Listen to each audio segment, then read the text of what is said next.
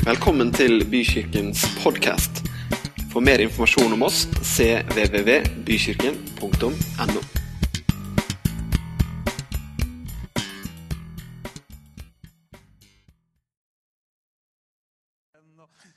I det hele tatt så er det noe med det å komme sammen som er mer enn hyggelig. Ikke sant?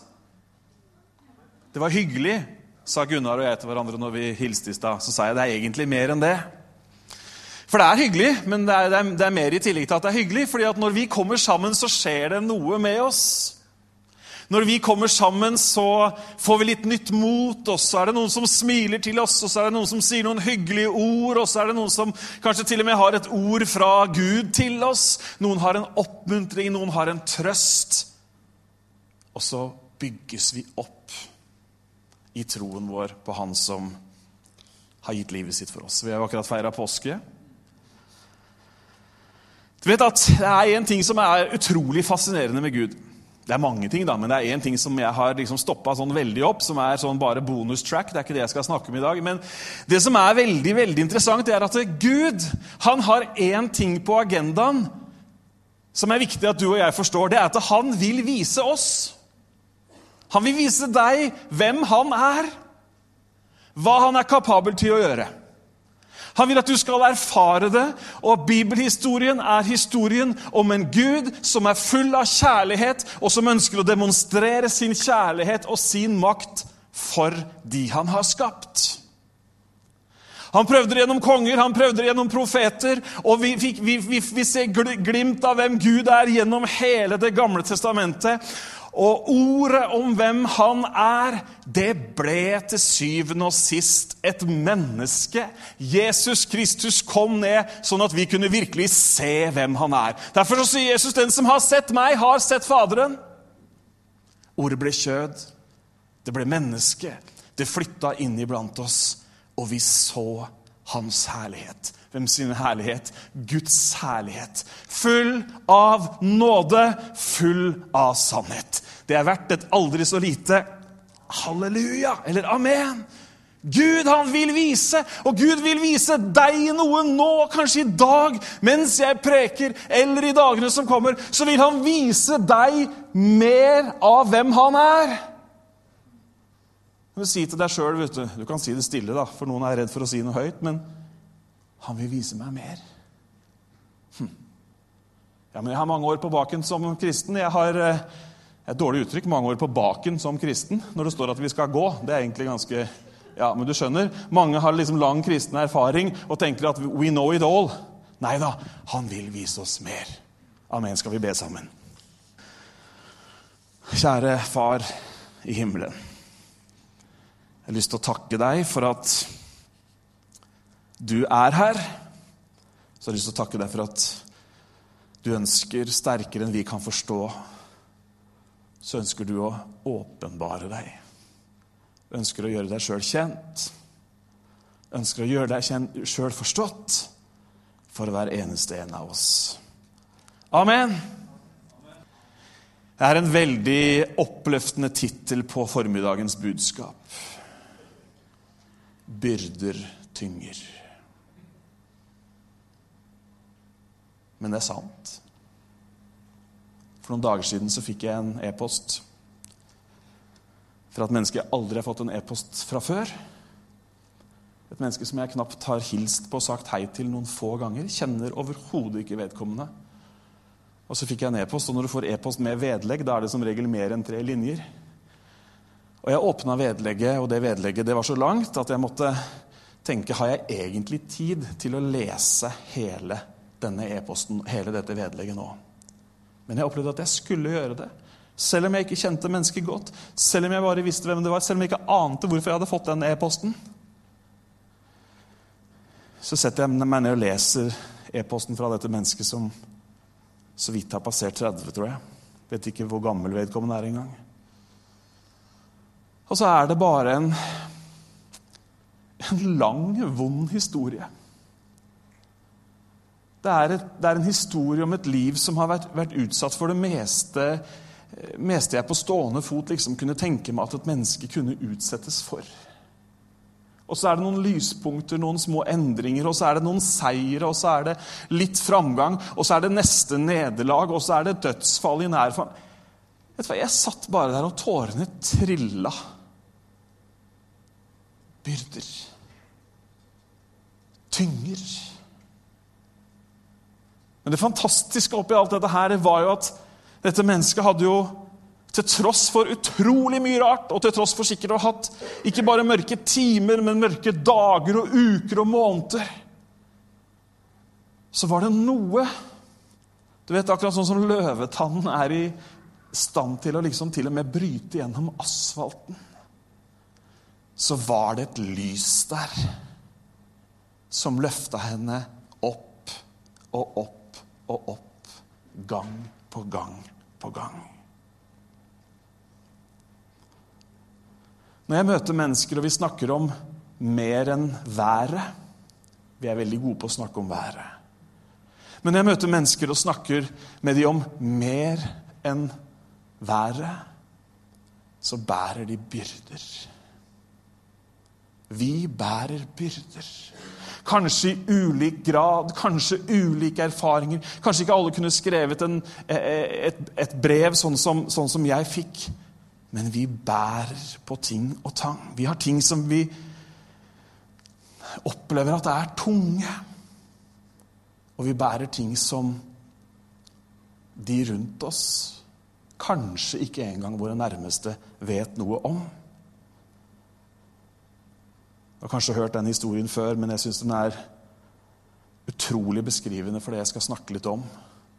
Om denne dama som sitter på toget med tre barn som ikke oppfører seg i det hele tatt. Og det er så mye bråk, det er så mye leven, at de andre i togkupeen de syns at dette går da over alle støvleskaft. Det må da gå an å oppføre seg, det må da gå an i hvert fall å være litt stille. Og så er det en da som blir så irritert til slutt at han tar bladet fra munnen og henvender seg til dama og spør om hun ikke kunne prøve å få kontroll på disse ungene litt. Dama ber ydmykt om unnskyldning. Og så sier hun 'beklager, men jeg er, jeg er litt ute av meg sjøl'.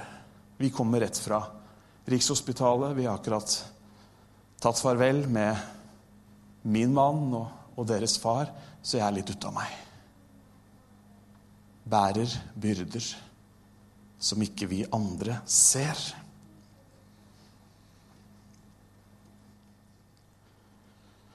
Ikke bare så tragiske ting, men også mange andre ting. Vi har ting som vi opplever som tungt, vi har ting som vi opplever som ikke vi vet hvordan vi skal løse. Jeg vet ikke hvilke byrder du bærer. Du vet sjøl hva som er tungt. Men vi bærer på byrder, og hva er det å bære en byrde? Vi skal se en liten, enkel definisjon for å få deg litt på sporet hvis ikke du allerede skulle være med.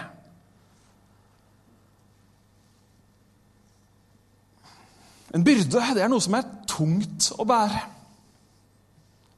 En belastning. Det kan være mange ting, det kan være ulike ting for ulike mennesker, men det kan dreie seg om gammel bagasje, det kan dreie seg om hemmeligheter som bare du vet, og som er tunge å bære. Skuffelser, smerte, sykdom Brutte relasjoner, svik, skam. Feiltrinn, skyld og synd. Vi kunne gjort lista ytterligere, men dette skulle dekke veldig mye. Byrder tynger. Mennesker har byrder. Jeg har det, du har det, og de rundt oss har det.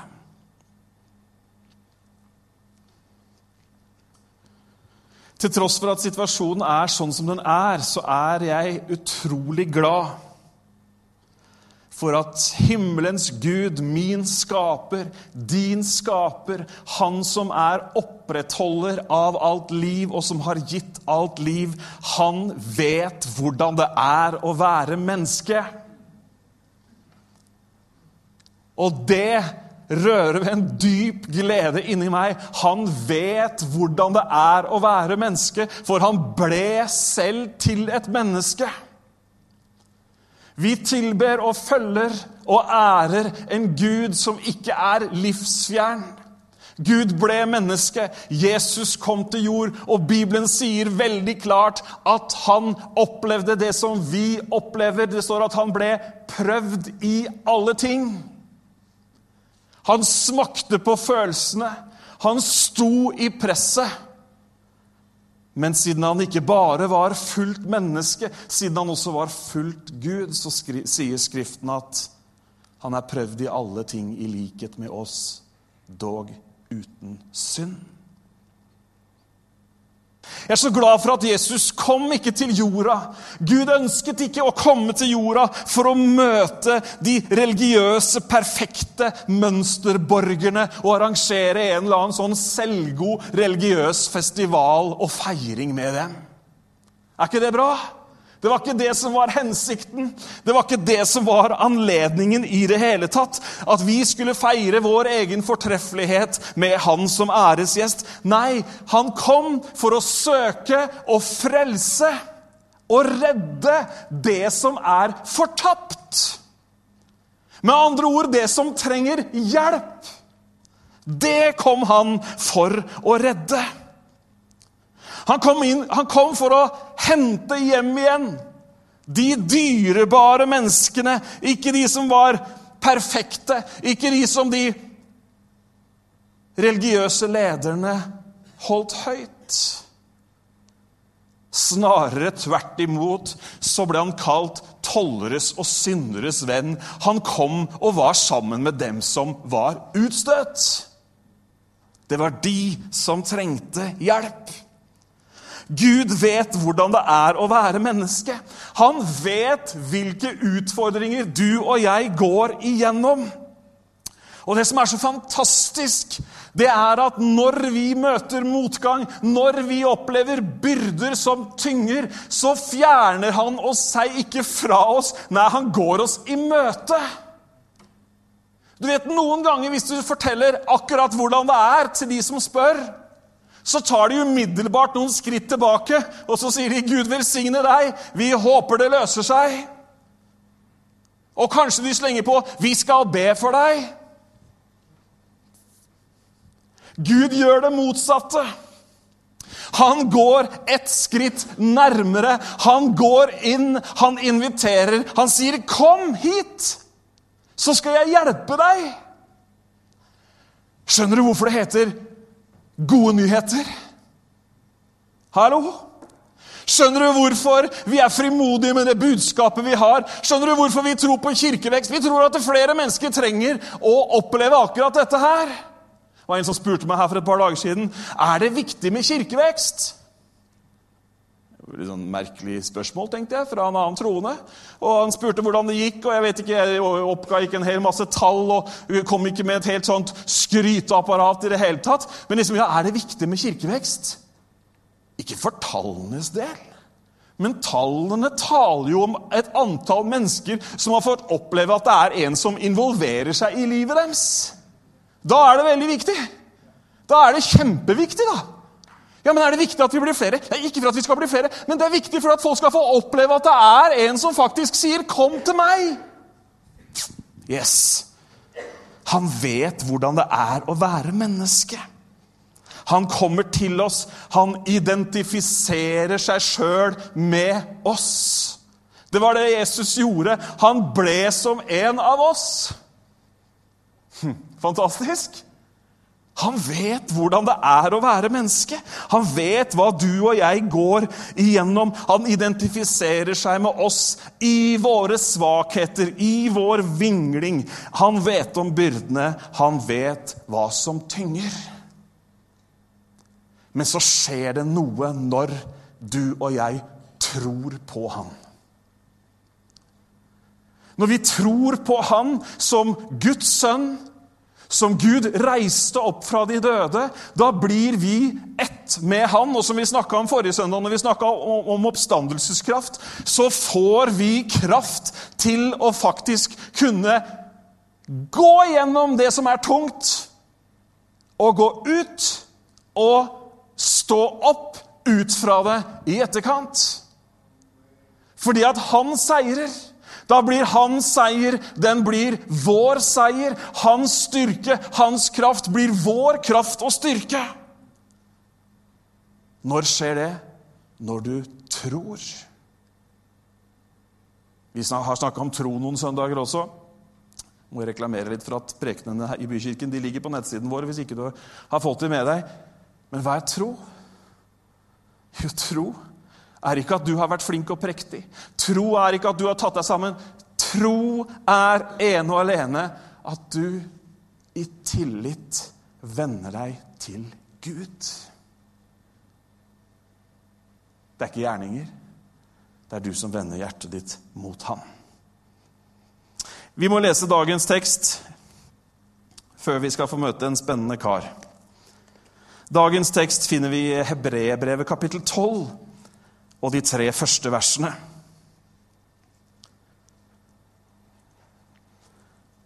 Hebrebrevet kapittel 12 er, kapit er kapittelet som eh, kommer etter det som vi kaller for troskapitlet. Der hvor alle trosheltene har blitt lista opp. Der hvor vi leser om Sara og Abraham og Enok og alle disse som sto fast, holdt fast. Og så fortsetter det. Derfor,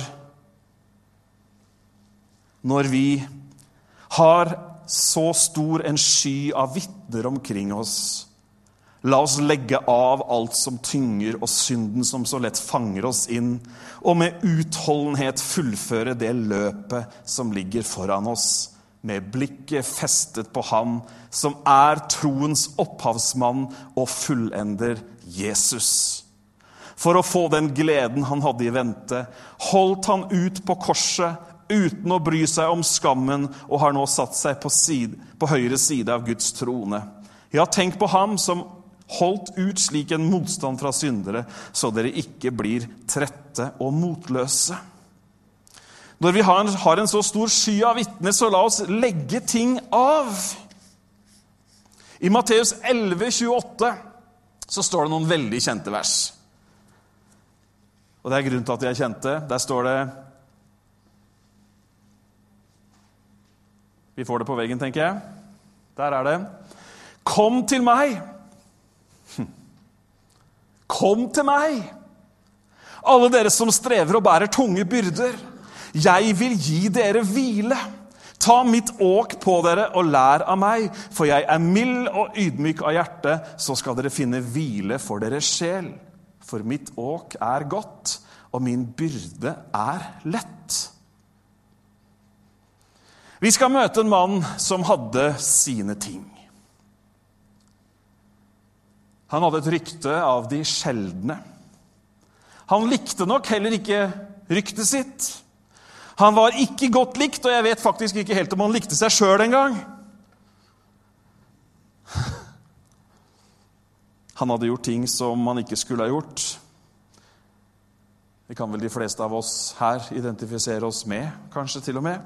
Jeg skal ikke ha noen håndsopprekning, men har du gjort noe du gjerne skulle ikke ha gjort? Hør på denne her. Jesus han var ute på en av sine mange reiser. Han kom til Jeriko, gikk gjennom gatene der, og der var det en type som hadde utrolig lyst til å møte Jesus.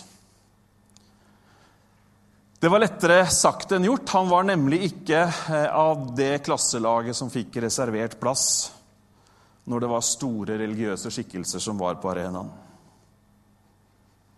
Og ikke engang blant vanlige folk hadde han noen fortrinn å snakke om i det hele tatt. Men han ga seg ikke.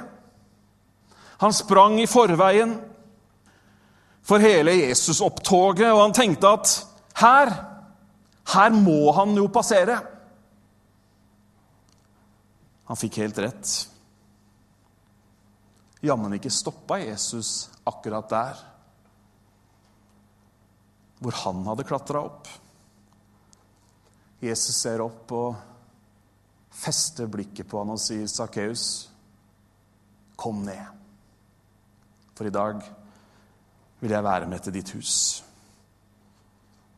Mange har hørt historien før. Han skyndte seg ned. Han skyndte seg ned, akkompagnert av folkets murring. Hva er det han driver med, han Jesus? Han sier 'kom ned' til en mann som han heller burde sagt 'klatt lenger opp' til. Han sa 'jeg skal være med hjem' til sånne som du absolutt ikke blir med hjem i det hele tatt. Hva er det som skjer? Han blir med hjem til en synder. Det står, men alle som så det, murret og sa, 'Han har tatt inn hos en syndig mann.' Men Sakkeus sto fram og sa til Herren, 'Herre, halvparten av alt jeg eier, gir jeg til de fattige,' 'og har jeg presset penger av noen, skal de få firedobbelt igjen.' Da sa Jesus til ham, 'I dag er frelse kommet til dette hus,' 'for også han er en Abrahams sønn.' 'For menneskesønnen er kommet for å lete etter de bortkomne og berge dem.' De andre de så Sakkeus med menneskelige øyne. Menneskelige øyne har en anledning, eller har et, ikke en anledning, de har en disposisjon for å finne feil. Det er jo det vi underholder oss med i ukeblader og aviser. Finn fem feil. Ikke sant? Det er ikke vanskelig å finne feil. Jeg klarer til og med de vanskeligste av de der finn åtte eller sju feil-oppgavene. De så han som en sleiping, som en løgner, som en bedrager. Han var rett og slett en sånn som du helst ikke vil at ungene dine skal leke med. Alt annet enn hellig, alt annet enn prektig. En synder, en kjeltring av dimensjoner. Og de dømte han. Han tar inn også en synder. De kamuflerte ikke engang dømmingen.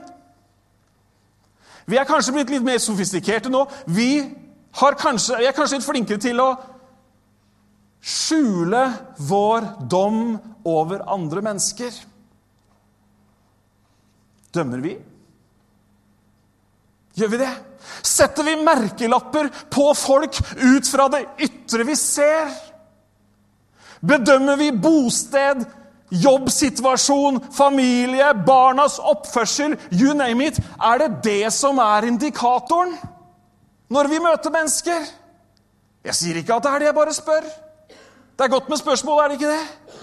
Veldig bra med spørsmål. Jeg vet ikke hva vi gjør, jeg vet ikke hva vi må svare for oss sjøl. Men i alle fall så står det i Bibelen at vi skal ikke dømme for ikke selv å bli dømt. Og det står også i Bibelen at mennesker de ser til det ytre. Mennesker ser til det ytre.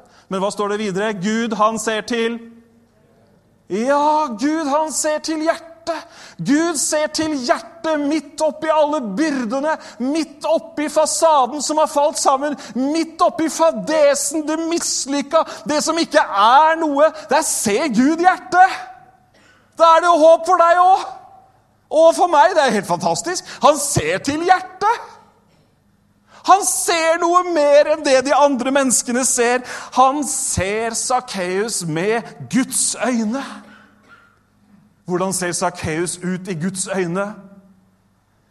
Der er han en mann som er skapt i Guds bilde. Et menneske som trenger frelse. Et menneske med uendelig verdi til tross for byrder, til tross for opplagte feiltrinn, elendig etikk og enda dårligere moral. Så sier Jesus også han er familie. Også han er en Abrahams sønn. Også han er en troens arving. Det er rått. Det er fantastisk. Byrder. Tynger. Hva er Sakkeus sin umiddelbare reaksjon? Han legger byrdene av seg. Da, altså, han, han, går ikke hjem og åpner kontoen for å se hvor mye han har engang. Han hadde sikkert så mye at han trengte ikke å gjøre det. Det er jo noen som kan leve sånn at de trenger aldri å sjekke, for det er alltid mer enn nok. Men altså, han der og da så legger han det som fikk han til å klatre opp i treet og skjule seg. Det legger han fra seg der og da. Er det ikke fantastisk? Det er jo akkurat som om man har lest Matteus 11,28. Dere som strever og har tungt å bære, kom til meg, og så vil jeg gi dere hvile. Det er jo som om man nesten formelig legger den tunge sekken av seg.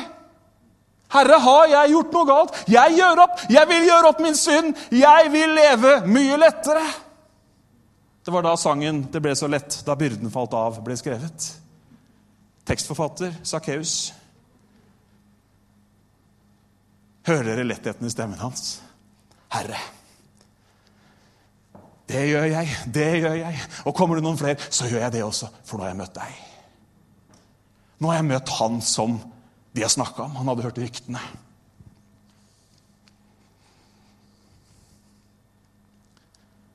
Og tenk hva han la fra seg. Én ting er umoralen han hadde begått i embetets medfør.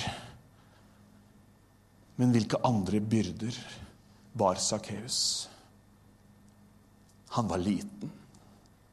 Det hadde han sikkert fått høre helt fra han var liten. Tror du ikke det? Og tror du ikke at folk hadde konfrontert deg direkte?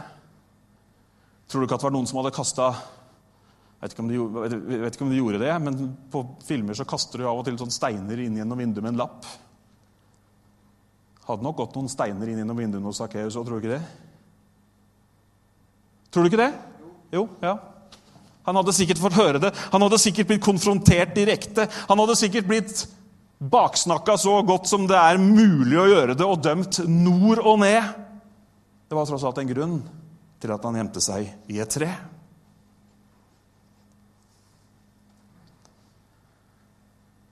Hvilke byrder bærer du og jeg som gjør at vi velger å klatre opp i et tre? I overført betydning. Jeg har ikke sett noen av dere opp i trær så langt. Hvilke byrder bærer vi i våre liv, dere, som gjør at vi velger en posisjon av å sitte på gjerdet istedenfor å være med?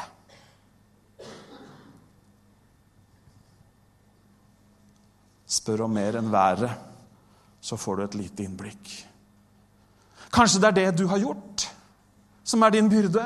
Kanskje det er det du føler at du ikke har gjort, som er din byrde. Kanskje du føler at det er det de, si, de sier om deg, som er det du bærer, som er tungt, eller det du tror de sier om deg. Jeg vet ikke. Jeg aner ikke, men det jeg vet, er at det kommer en som ser deg med noen andre øyne enn de menneskelige øynene. Hallo?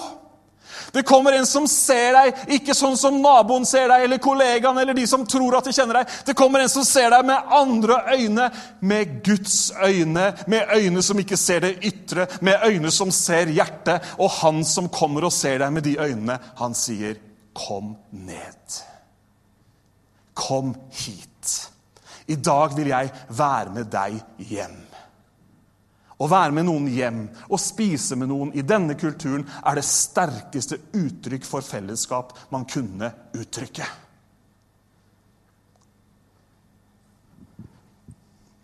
Kanskje er det åpenbare grunner.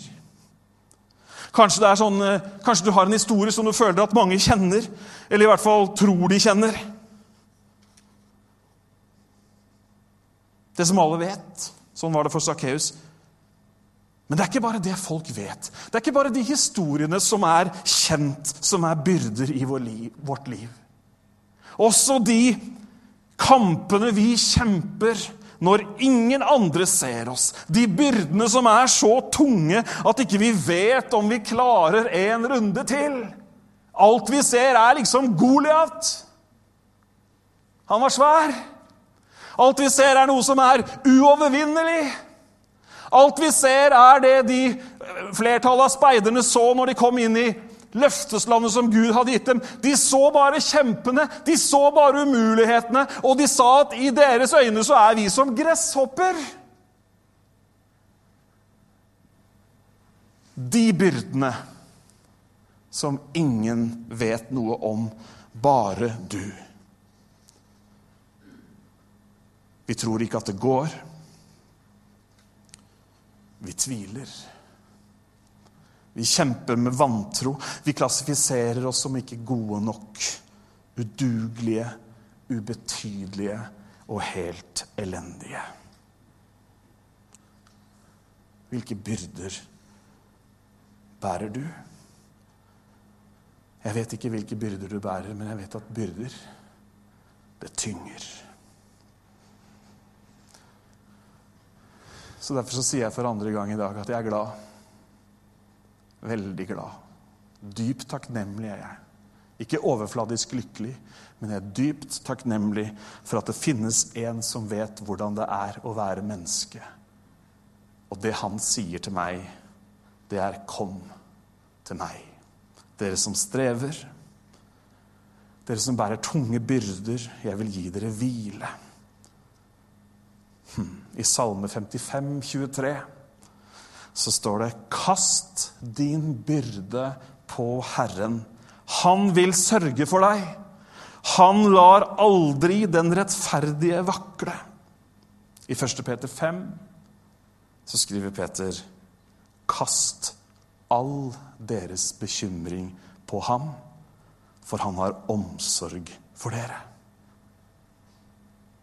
Han sier ikke Nei, du må vente litt. Han sier ikke 'hold deg unna, jeg har ikke helt tid nå'. Han sier ikke bare 'stå imot litt til, så går det over av seg sjøl'. Han sier heller ikke 'tiden leger alle sår'. Nei, han inviterer deg og meg til å gjøre noe aktivt, til å komme og til å legge byrdene av. Og så sier han at det han skal gi oss, det er hvile. Det er noe deilig med hvile, dere. Slappe av. Ikke, til, ikke bare etter arbeidslivets og arbeidsukas strev, men slappe av fra eget strev. Vite at kampen mot Goliat er over. Kunne legge av oss det som tynger.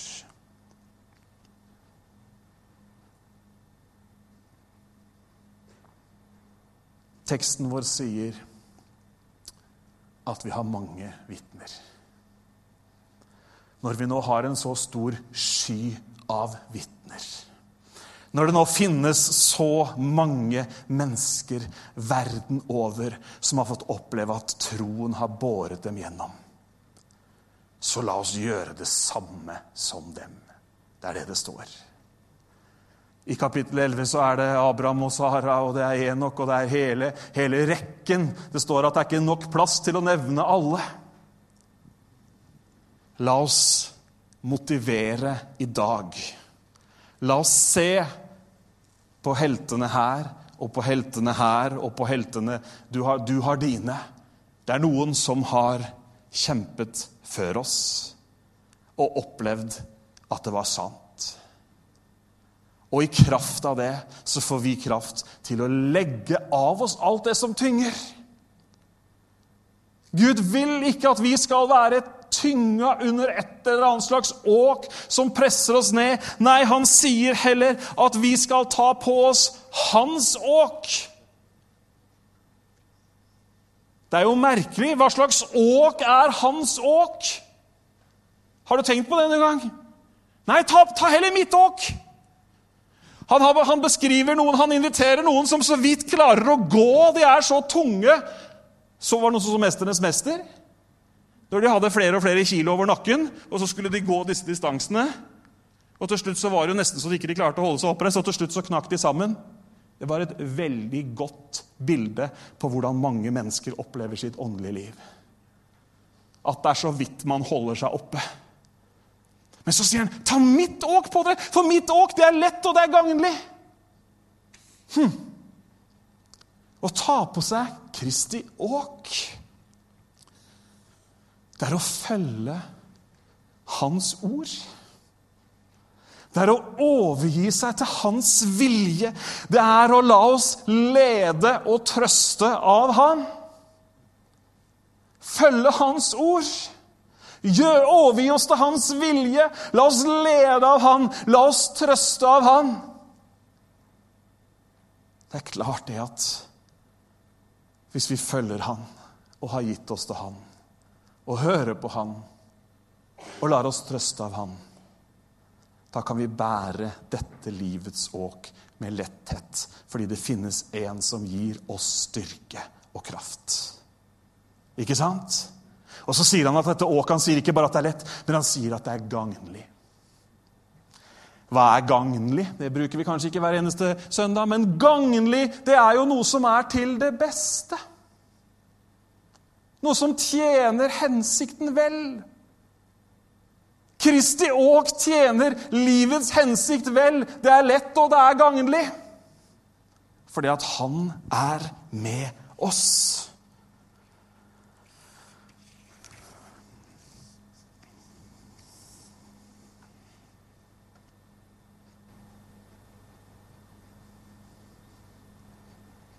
La oss legge byrdene av, sånn at vi kan løpe med utholdenhet i det løpet som er satt foran oss. Kan jeg få lov til å si to ord om å løpe uten at pulsen din går opp? Er det greit? Det kommer ingen treningstips her. Ingen, kosthold, ingen kostholdstips heller. Men jeg har lyst til å minne deg på at du har et løp å le, du har et løp å løpe. Du har et liv å leve. Og det handler om at du har en hensikt for denne tiden som du er en del av. Gud har ikke ført deg og meg inn i 2017 for å være dem vi er, med de ressursene vi har, med de talentene, med de gavene han har gitt oss, for at vi skal være tilskuere. Slapp av, dette er ikke noe sånn mobiliseringspreken for å delta aktivt i menighetsliv. Men det er det allikevel. Eller trosliv. Fordi at du har et løp å løpe. Det står ingenting om tidskrav, står ingenting om verken det ene eller det andre. Men du har et løp å løpe. Ditt liv har en betydning, kjære venn. Du lever ikke lenger for deg selv, men du og jeg, vi lever for Han som døde og ga sitt liv og oppsto igjen. Er ikke det greit å si på en søndag? Og for at vi skal klare å løpe, for at du skal klare å løpe, så er det viktig at vi legger av oss det som tynger. At vi tar imot invitasjonen som er 'Kom til meg, så skal jeg ta byrdene fra deg'. At vi responderer på denne invitasjonen, legger det av og gjør oss klare til å løpe. Pulsen nede fortsatt. I vårt tempo, fordi at vi er kalt til å være med på banen. Og Bibelen sier det så klinkende klart. Løp, sånn at dere vinner seiersprisen.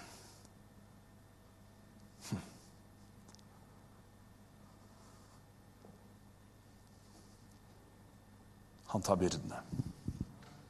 De som tynger. Skal vi reise oss opp? Så kommer lovsangene fram.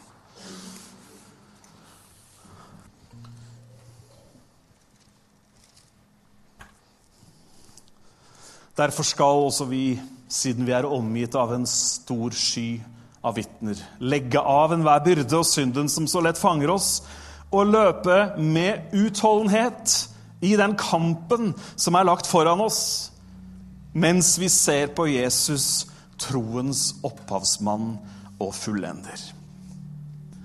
Vi skal synge sammen nå. Og så har jeg lyst til å gi deg en helt ukomplisert og tydelig invitasjon til å legge byrdene dine av.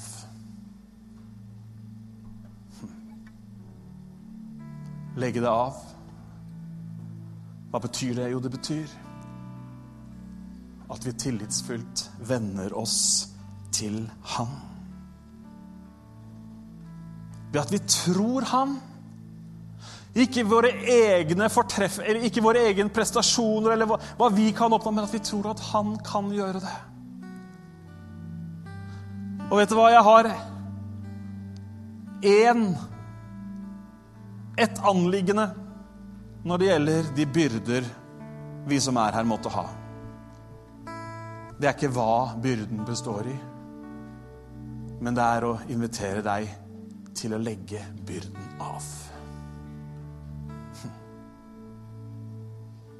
til å svare på hans invitasjon, som er 'kom'. Kan vi ikke gjøre det nå? Vi skal ikke strekke dette veldig lenge ut, men vi henvender oss til Gud i bønn nå om et øyeblikk, og så lovsang. Og så er Vi gjør det ikke hver søndag, men jeg har lyst til å invitere deg til å komme fram og legge din byrde av deg. Skal ikke ha noe detaljerte intervjuer med noen. Vi skal bare være med å velsigne hverandre i den beslutningen, i den handlingen vi gjør. Skal vi si det sånn? Herre, jeg takker deg.